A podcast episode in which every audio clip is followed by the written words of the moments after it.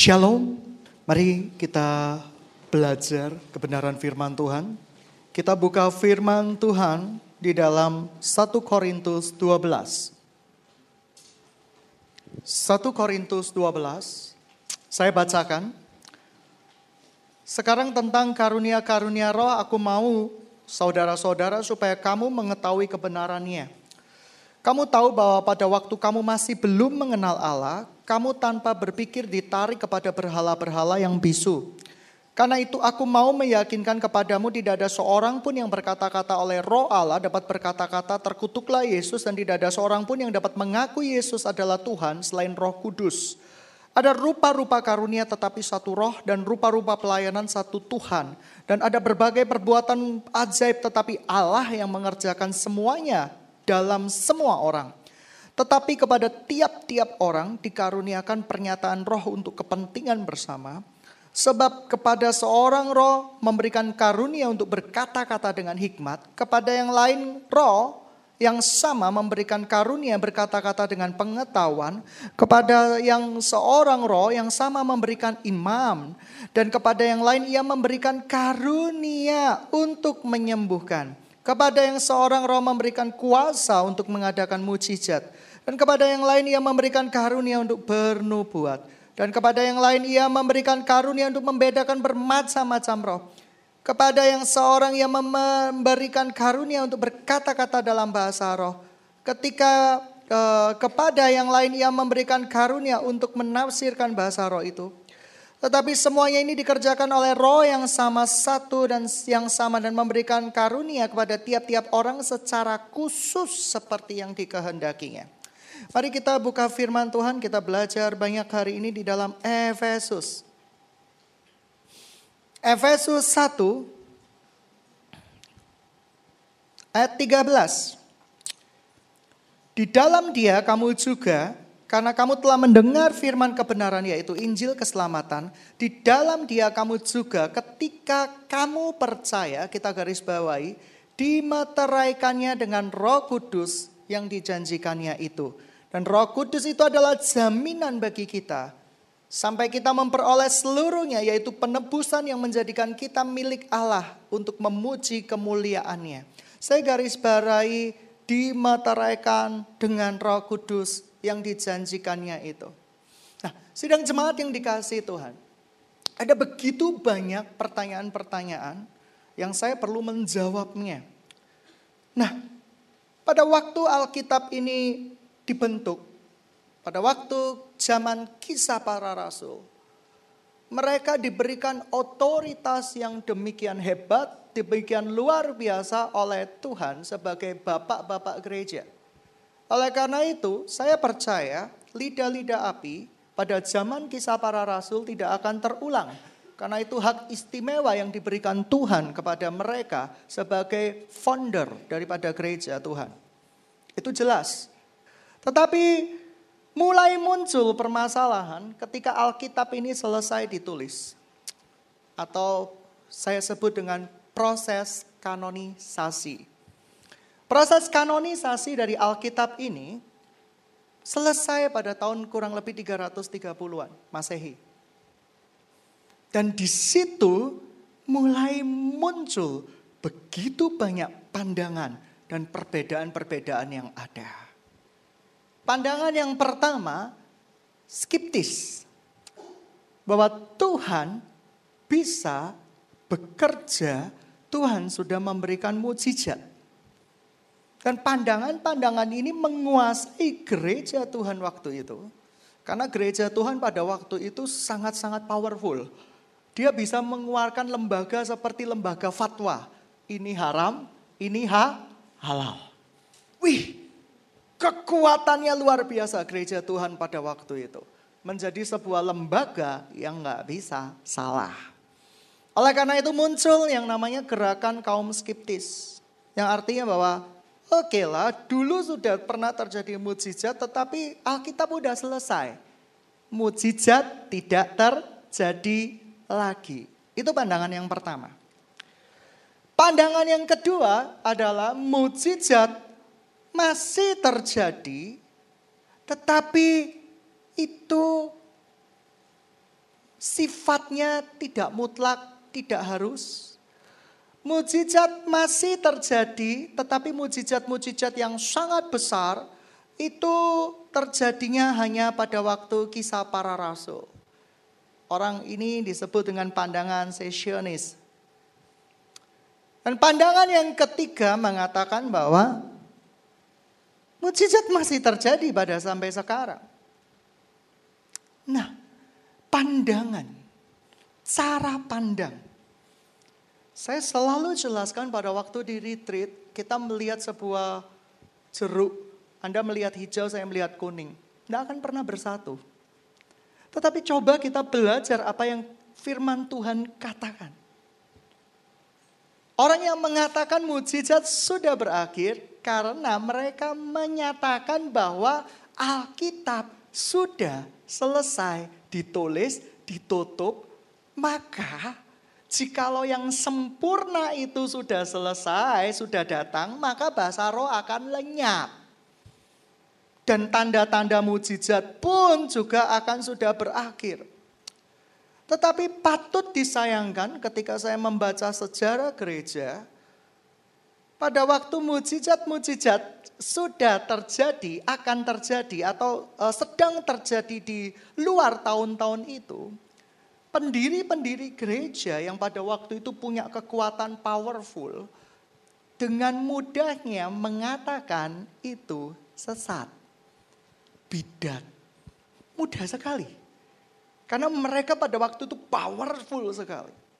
Memiliki kekuatan yang luar biasa di politik dan pemerintah untuk, untuk mengatakan bahwa ini sesat. Dan memang sebagian besar sesat. Dan berasal dari iblis dan berasal untuk memuji atau memuliakan hamba Tuhan tertentu saja.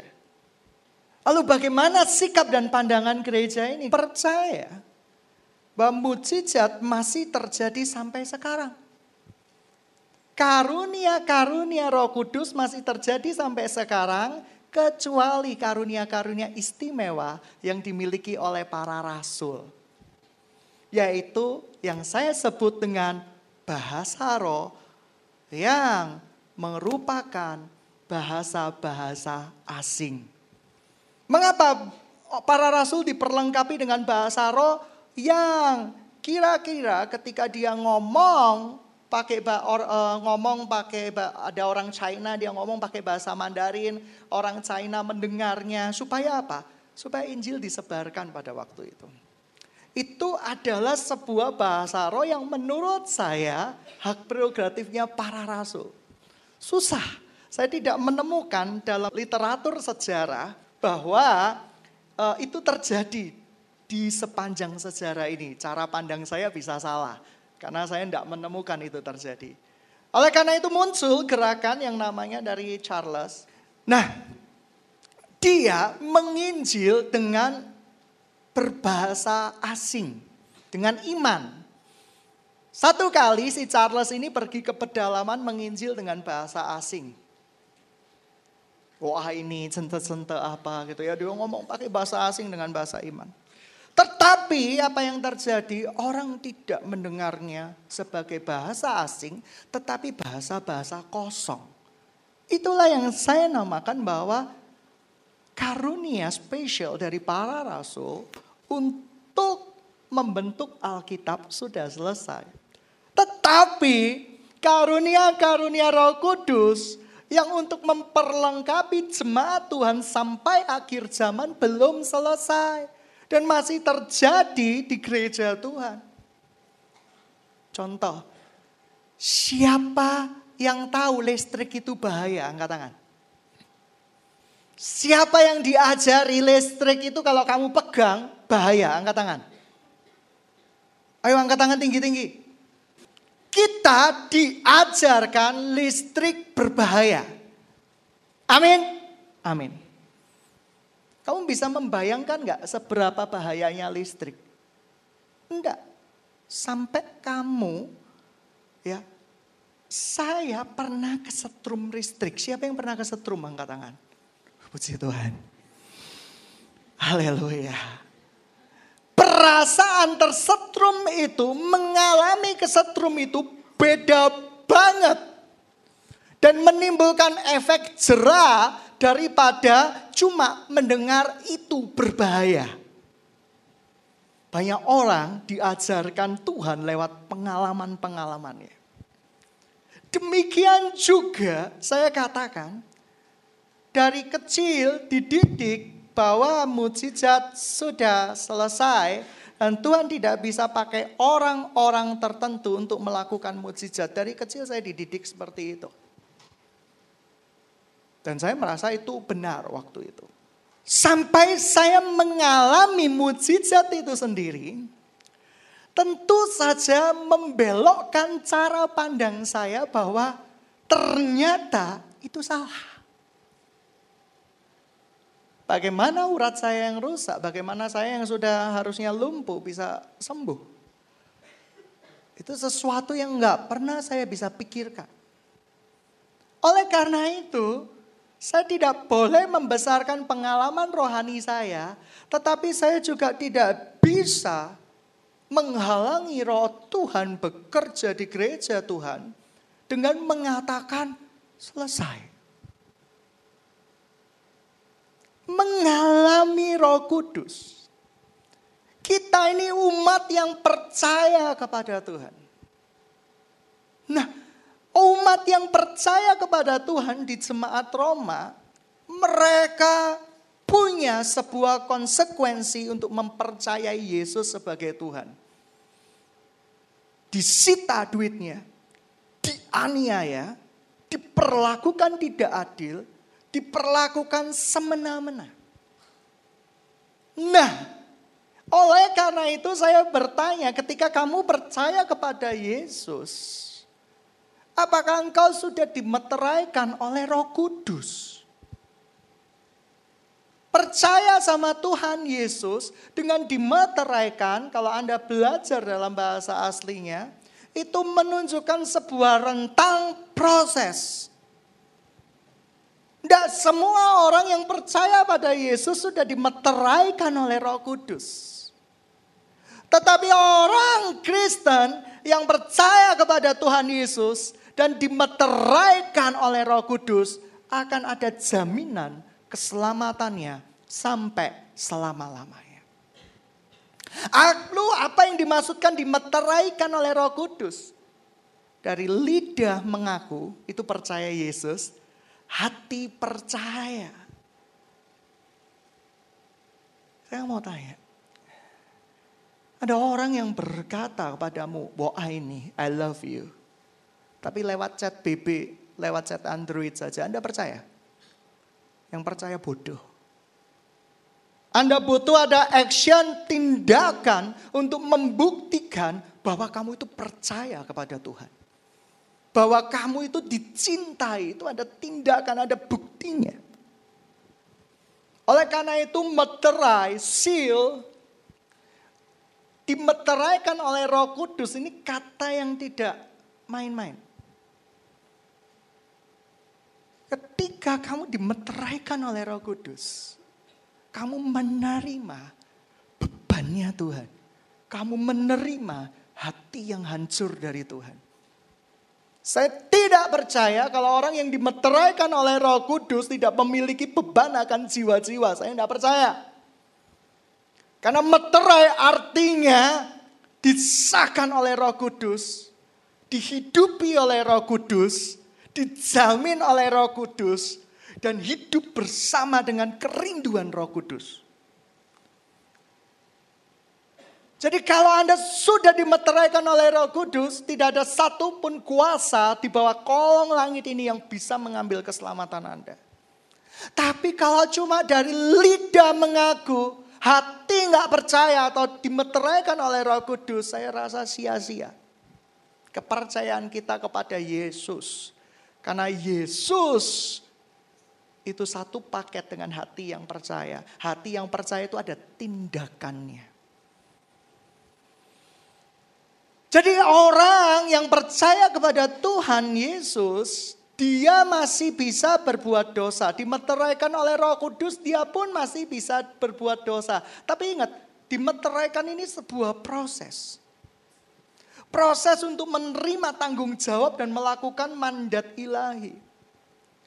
Oleh karena itu, saya rindu ketika kita dimeteraikan oleh Roh Kudus pulang dari gereja ini, kita mengambil beban hatinya Tuhan, hati yang hancur Tuhan untuk jiwa-jiwa.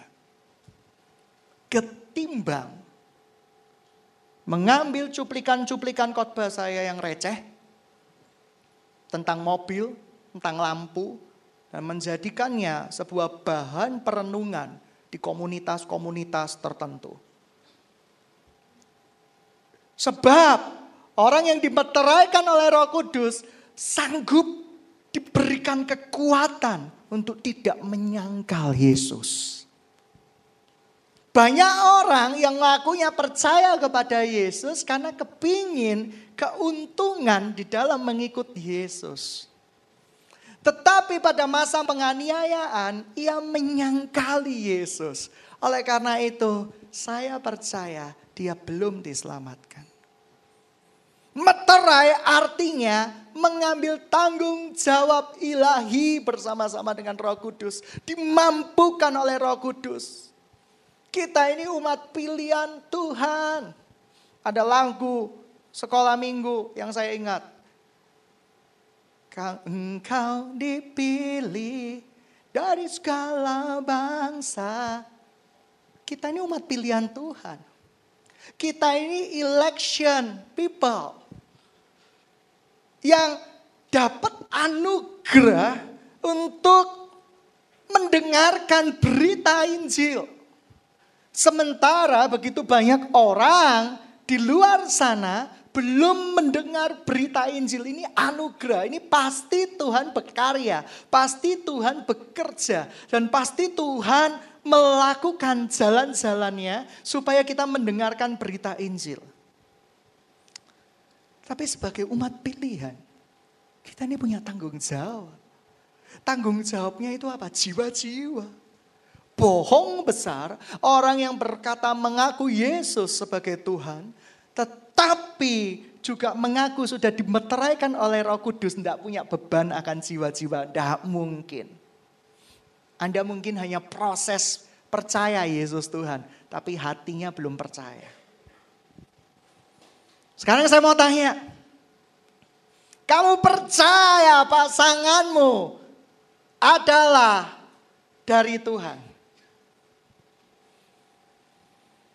Karena dia berkata, aku cinta kamu, wa ini dan yang lain-lain. Tetapi goalnya adalah di mesbah. Ketika Anda mendapat materai, entah di mimbar gereja, entah di sebuah tempat, anda menerima percaya kepada Tuhan bahwa dia adalah pasanganmu. Engkau menerima meterai dari sorga. Nah banyak orang anak-anak Tuhan yang hanya dalam proses percaya kepada Yesus. Tetapi hatinya belum sungguh-sungguh belum percaya. Ini bahaya banget. Anda bisa baca seluruh kitab suci. Orang percaya itu ada buahnya. Percaya kepada Roh Kudus itu artinya apa? Dibaptis oleh Roh Kudus. Kita ini udah dibaptis oleh Roh Kudus. Ketika kita di baptisan air dalam nama Bapa, Putra, dan Roh Kudus. Tetapi dibaptis oleh Roh Kudus itu mengandung kata yang lebih luas sebenarnya. Diselamkan bersama-sama dengan Roh Kudus. Lah tandanya apa kamu itu percaya? dan diselamkan oleh Roh Kudus. Ada yang berkata bahwa tandanya adalah berbahasa roh. Tanda-tanda supranatural itu tidak mutlak. Tapi buah-buah rohmu hidup dalam kasih, memikirkan apa yang baik, tidak gosipin orang lain, tidak tersentuh oleh satu kejadian tobat, Ya aku nggak mau gosipin orang lain besoknya kumat lagi. Oleh karena itu dibaptis oleh Roh Kudus, saya percaya ini adalah pengalaman indah hidup bersama dengan Roh Kudus yang semua orang unik dan tidak tergantikan satu sama lain.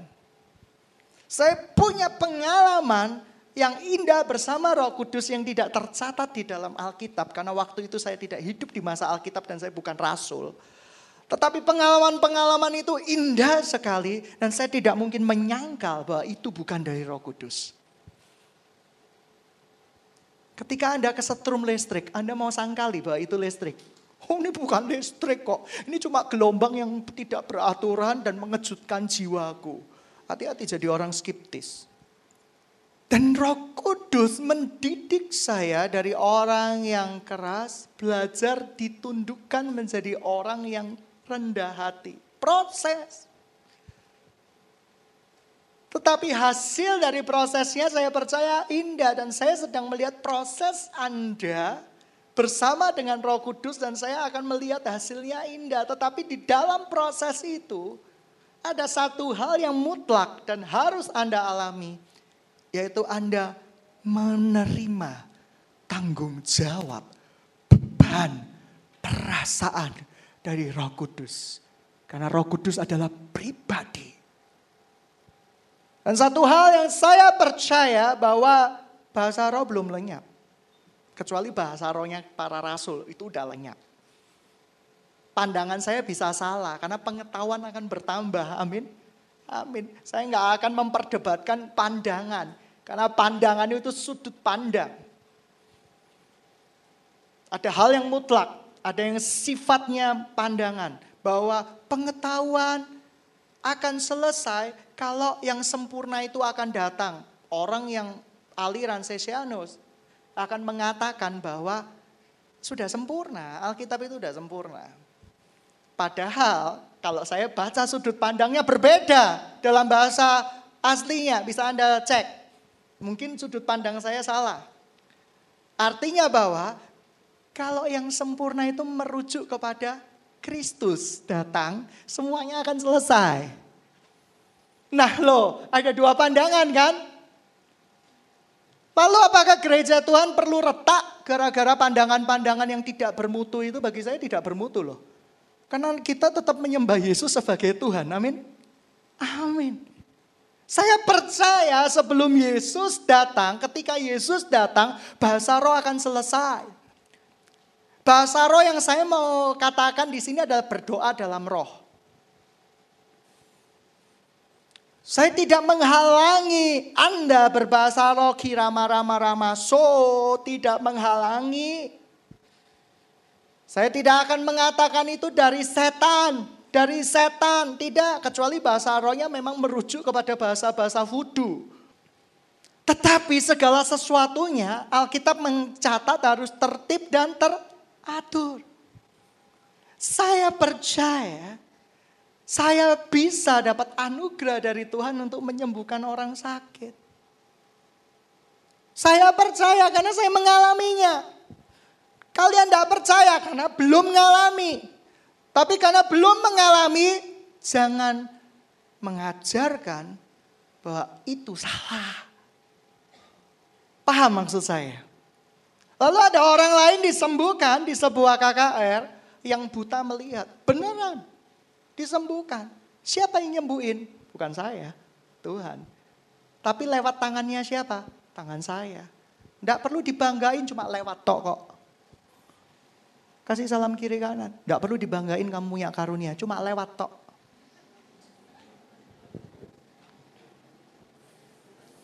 Nah karunia ini untuk membangun jemaat. Ada satu orang yang tidak percaya kepada Tuhan di awal-awal pembentukan radio kita menjadi percaya karena menerima mujizat itu. Jadi mujizat itu bukan untuk meninggikan diri orang kita tetapi untuk karya Kristus bisa terjadi di dalam diri orang itu. Oleh karena itu ketika banyak anak-anak Tuhan yang menginjil di sebuah kampung yang desa-desa yang tidak uh, sorry ya belum percaya kepada Tuhan Yesus, terjadi kesembuhan yang luar biasa karena kesembuhan itu dipakai Tuhan sebagai sarana memperkenalkan dirinya bahwa aku itu Tuhan yang berdaulat. Aku itu Allah yang berdaulat. Jemaat jangan menjadi netizen yang maha kuasa, maha benar dan maha sempurna. Sekarang ada sebuah dewa baru yang namanya netizen.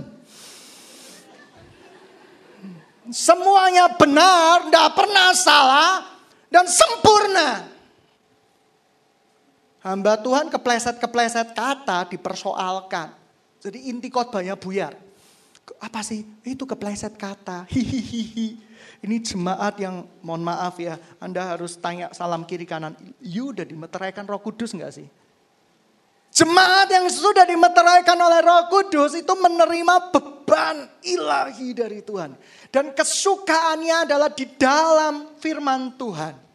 Dia bisa kepleset dalam dosa, salah-salah kata, tetapi proses meterai itu yang menghidupi bahwa Yesus hidup di dalam dia dan dia hidup di dalam Yesus akan segera membangkitkan dia, membangunkan dia dan berproses menjadi jemaat yang kudus, tidak bercacat, tidak bercela. Itu yang saya impikan.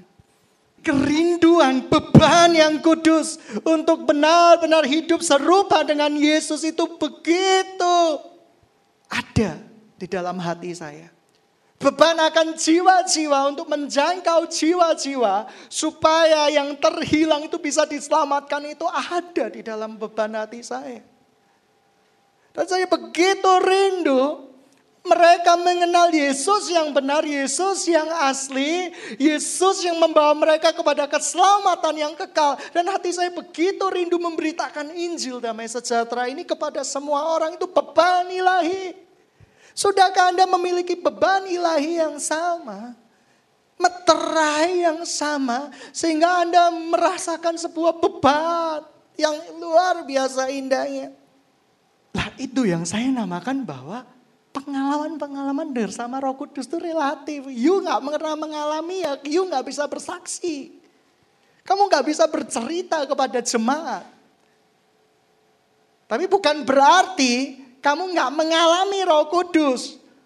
Kamu bisa makan sepiring berdua aja itu udah pengalaman bersama dengan Tuhan mujizat. Kamu bisa hidup sampai sekarang itu juga udah mujizat. Tapi tiap orang punya pengalaman berbeda dan jangan menghakimi orang yang punya pengalaman yang berbeda. Selagi pengalaman itu selaras dengan firman Tuhan. Amin. Amin. Kita berlari-lari pada tujuan panggilan kita. Wajah saya begitu berbinar-binar melihat ada gereja di Surabaya Barat.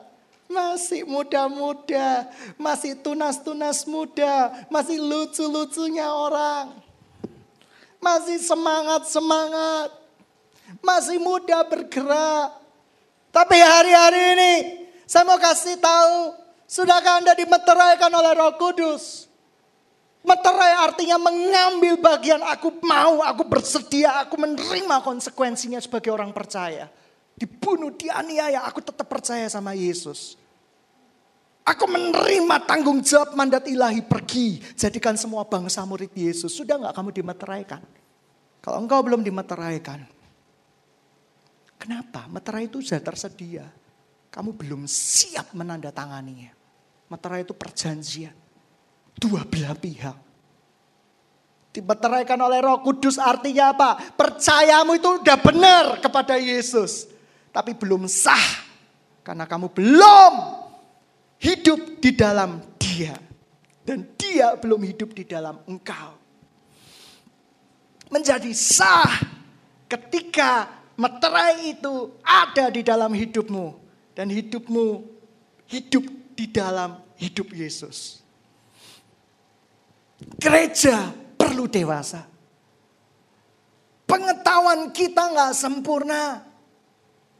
Tapi pengetahuan yang saya miliki pun senantiasa suatu saat Tuhan perbaharui tanpa merubah konteks. Jangan bermegah dengan pengetahuan yang kamu miliki sekarang. Bermegahlah kalau Tuhan Yesus sertai engkau sekarang.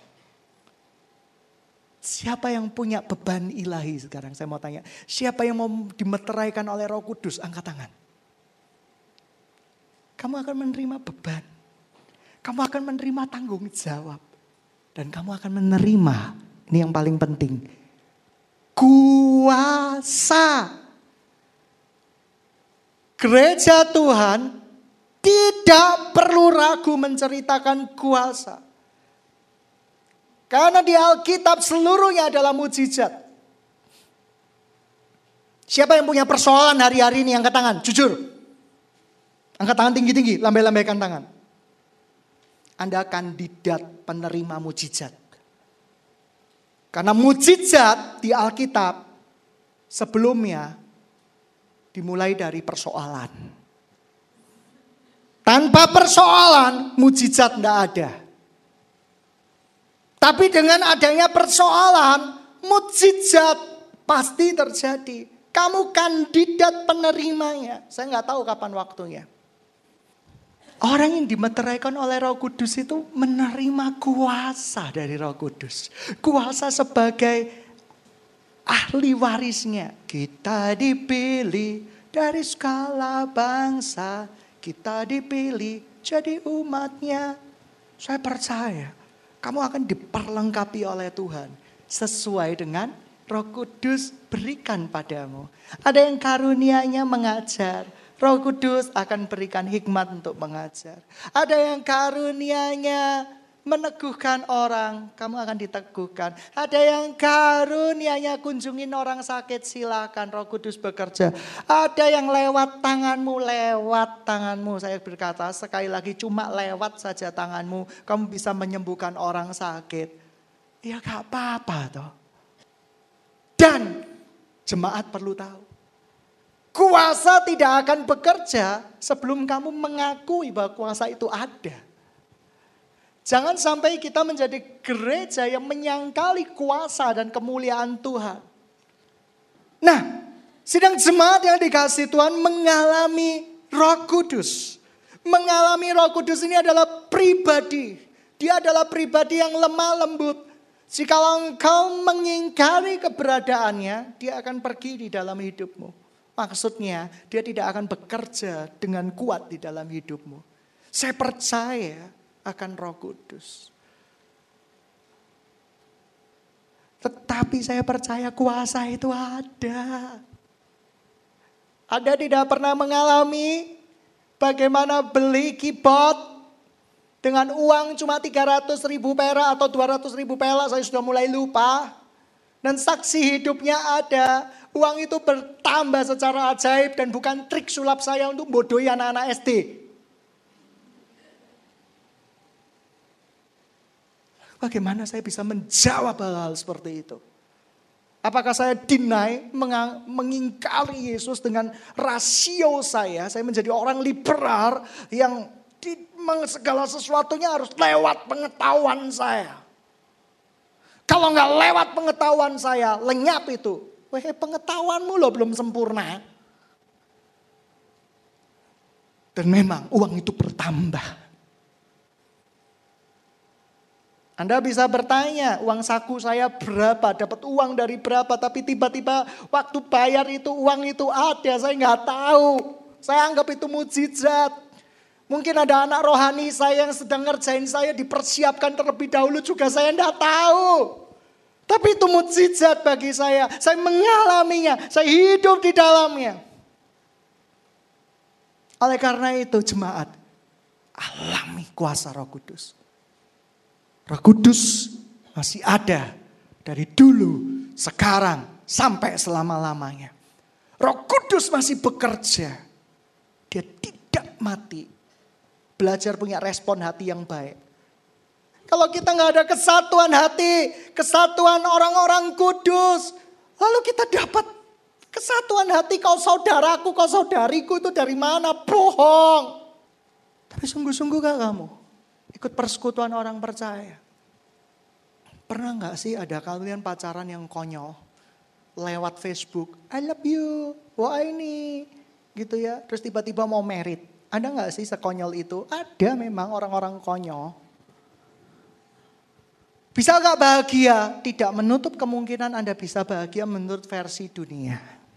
Tidak menutup kemungkinan, tapi saya nggak percaya ada special blessing di dalam hidupmu.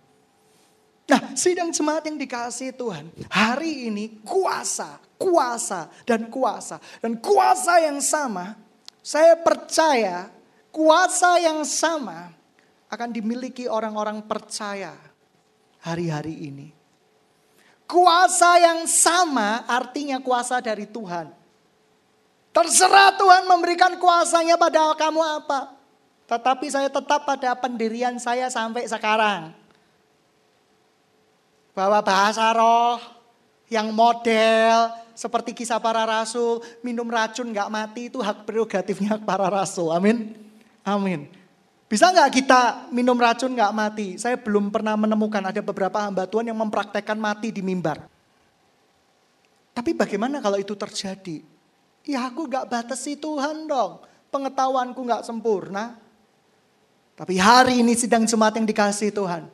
Seal by Holy Spirit. Artinya engkau hidup di dalam perkenanan Roh Kudus, engkau menghidupi, ada beban ilahi, ada tanggung jawab ilahi, bukan beban sesaat yang ketika Anda datang di mimbar, besoknya lupa beban-beban itu. Ada tanggung jawab yang besar bahwa di kampus-kampus akan terjadi the great revival yang dari Tuhan. Ada tanggung jawab yang besar bahwa di dunia kerja marketplace akan terjadi revival yang datangnya dari Tuhan. Kerinduan kita adalah kerinduan di mana Yesus dimuliakan. Revival yang kami maksud adalah mereka percaya kepada Yesus. Kita bersekutu bersama-sama. Amin. Amin. Siapa yang percaya? Kamu bisa menerima revival itu. Angkat tangan. Siapa yang percaya kamu diberikan kuasa oleh Tuhan. Sesuka hatinya Tuhan. Tapi kamu diberikan kuasa untuk memperlengkapi dirimu sebagai orang percaya. Ada satu anak korban tsunami. Namanya yang sering disorot Israel. Kamu tahu kenapa terjadi gempa? Kenapa terjadi tsunami? Kenapa ibunya yang tadinya sudah di zona aman, tiba-tiba ia perlu turun ke bawah mencari anaknya yang sedang bermain di pantai sehingga ibunya harus tewas, harus meninggal dunia sementara anak-anaknya dan suaminya masih hidup.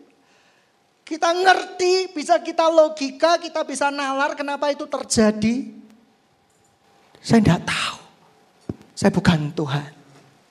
Tapi iman yang benar akan menghasilkan buah yang benar. Saya percaya anak itu dididik dengan iman yang benar ibuku sudah ke sorga. Aku tidak boleh menangis. Iman yang benar menghasilkan buah yang benar. Tidak pernah iman yang benar menghasilkan buah yang salah.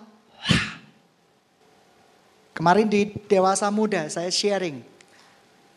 Mau mendapatkan kekuatan energi kehidupan dibagi dua ya. Kamu letih secara spiritual atau letih secara tubuh. Kalau secara tubuh udah jalan-jalan saja, berlibur saja. Amin. Amin. Tapi kalau letih secara spiritual, treatmentnya berbeda. Elia ketika letih secara fisik, burung gagak datang. Drone yang berupa burung gagak datang. Dia dengan ongkang-ongkang kaki di sungai kerit memainkan androidnya. Pesan. Gopay, Gojek, Gokil. Oh, tik, tik, tik. Oh, datang ayam goreng. Datang roti. Oh penghiburan Tuhan sungguh indah, sungguh sempurna. Dia segar kembali seiring dengan surutnya daripada sungai kerit itu. Tapi suatu kali dia sakit secara spiritual. Dia begitu lemah, dia bunuh ribuan dewa Baal. Satu surat ancaman sanggup menggetarkan dia. Satu surat ancaman sanggup menggetarkan dia. Motong. Ngamuk sama Tuhan. Dihibur. Tiduran. Tidak bisa memulihkan dia. Dihibur roti bakar, jek ngomel. Yang terakhir, oh sakit jiwa orang ini. Maka ada seseorang yang berkata, Tuhan akan menemuimu di gunung. Dan Tuhan, sebelum Tuhan datang, ada gempa dulu. Anginnya memecah gunung-gunung. Ada api terlebih dahulu. Saya mau kasih tahu. Palu ada gempa, ada air, ada kebakaran. Tuhan mau melawat kota Palu.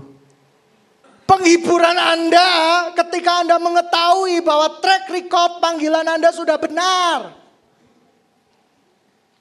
Teman-teman yang dikasih Tuhan, sidang semangat yang dikasih Tuhan, penghiburan daripada Elia, yaitu ketika menjumpai Tuhannya, dan Tuhannya berkata, kembalilah ke jalanmu, kembalilah ke panggilanmu, itu penghiburannya.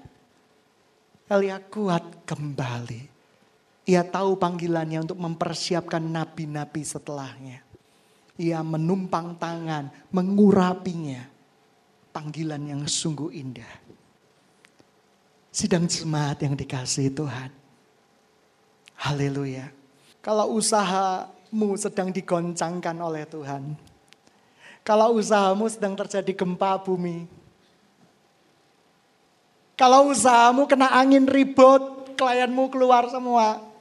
Percayalah, Tuhan akan datang. Tuhan akan buat mujizat, Tuhan akan buat keajaiban. Hai kamu orang-orang yang percaya. Oleh karena itu berani mengabarkan Injil. Kamu diberikan kuasa oleh Roh Kudus untuk memberitakan Injil. Yang dimaksud Injil itu siapa sih? Injil itu saya akan beritakan kepada orang-orang yang katanya percaya kepada Yesus tapi belum menerima meterai dari roh kudus. Yesus Yesusan yang dia sembah. Oleh karena itu kita kumpulkan. Setelah itu ke mana? Ke orang yang belum percaya. Ini repot, ini teologis banget. Kalau kita merasa Orang yang cuma ngaku Yesus, Yesus kau Tuhan. Selamat. Wih, dangkal banget. Tapi kalau kita percaya orang yang menerima Yesus Tuhan dimeteraikan oleh Roh Kudus. Dia menerima tanggung jawab ilahi. Ia tidak akan segan-segan memproklamasikan imannya. Yesus Tuhan. Seperti Rasul Paulus di mahkamah-mahkamah pengadilan. Yesus Tuhan. Yesus adalah Raja. Tuhan Yesus adalah pencipta dan langit bumi. Kamu tidak akan takut sama sekali. Kamu tidak akan khawatir sama sekali. Miliki meterai Tuhan sebagai jaminan pasti dari lidah mengaku percaya Yesus tadi hati per, hati percaya artinya dimeteraikan lahir baru hidup di dalam perkenanan Tuhan hidup di dalam sukacita Tuhan hidup di dalam berkat-berkat Tuhan yang ajaib siapa yang mau menerima atau sudah menerima meterai Roh Kudus Hari ini saya mau kasih tahu. Pakai materai itu sebagai lambang kamu anak-anak yang diurapi Tuhan. Sebagai lambang kamu disertai Tuhan. Jangan bangga dengan karunia yang Tuhan berikan lewat hidupmu. Berbanggalah. Kamu bisa memuliakan Tuhan lewat talenta, lewat karunia yang Tuhan berikan padamu. worship leader yang menyanyikan lagu, yang menerima beban hatinya Tuhan, hancur hati. Mungkin worship leader lain juga nyanyi. Seorang pendosa di tangan Bapa. Tapi ketika dia menyanyikan itu dengan beban dan hancur hati. Saya percaya hidupnya sudah menjadi sarana roh kudus itu sendiri untuk bekerja. Oh dahsyatnya. Siapa yang mau bergail karib dengan roh kudus pagi hari ini? Angkat tangan. Perjanjian Tuhan akan diceritakan kepadamu. Mimpi-mimpi Tuhan akan diberitakan kepadamu. Kamu akan bangga menjadi umat pilihannya. Bukan hanya bangga dengan status umat pilihan. Tapi bangga kamu bisa deklarasikan iman kamu. Saya rindu ada revival di dunia kerja saya rindu lewat gereja ini, minimal gereja ini dipakai di marketplace, bisa berkati orang-orang dan mereka menerima Yesus sebagai Tuhan dan Juru Selamat dan mereka menerima kebenaran Injil yang kita ceritakan di gereja ini. Jikalau semangatmu mulai luntur hari ini percayalah kembalilah ke panggilanmu semula. Saya begitu tersentuh ketika selalu mendengarkan khotbah tentang panggilan hidup tujuan hidup walaupun saya sudah dipanggil, saya selalu menangis. Saya ketika mendengarkan khotbah-khotbah tentang menderita bersama dengan Yesus. Yang hidup di dalam hidupnya Yesus. Saya selalu menangis, saya selalu tersentuh. Dan saya tidak pernah mau mengingkari panggilan saya. Bagaimana dengan Anda sidang semangat yang dikasih Tuhan? Jadi anak Tuhan dewasa. Dewasa artinya aku menerima beban ilahi. Aku menerima hancur hatinya Tuhan untuk generasi ini. Kampus-kampus tanggung jawabmu. Tongkat estafet sudah diberikan. Kuasa. Hentikan hal-hal yang bodoh, usang, yang tidak berguna, yang tidak membangun jemaat, yang tidak membawa jiwa-jiwa kepada Yesus. Ada orang yang mengajar. Sebenarnya yang dilihat oleh Rasul Petrus itu halam dan halal itu bukan makanan, tetapi bangsa.